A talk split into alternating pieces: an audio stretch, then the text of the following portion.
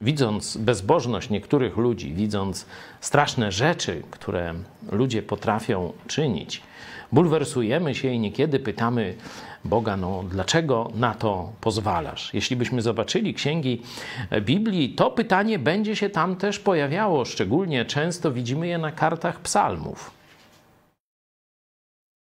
W księdze przysłów, czy przypowieści Salomona, jest jeden werset, który może pomóc nam zrozumieć, że Bóg nawet dla najgorszych niegodziwców ma pewną rolę w swoim planie.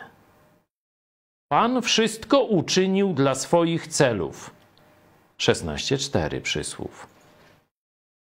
Nawet bezbożnego na dzień sądu.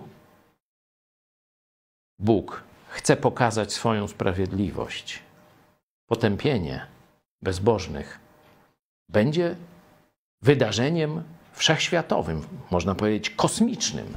Będzie manifestacją Bożej sprawiedliwości. No i po to w końcu przydadzą się ci bezbożni. Nie życzę nikomu tego losu. Dziś, jeśli należysz do tego zbioru, jeszcze masz szansę zawołać do Jezusa: Jezu, ratuj.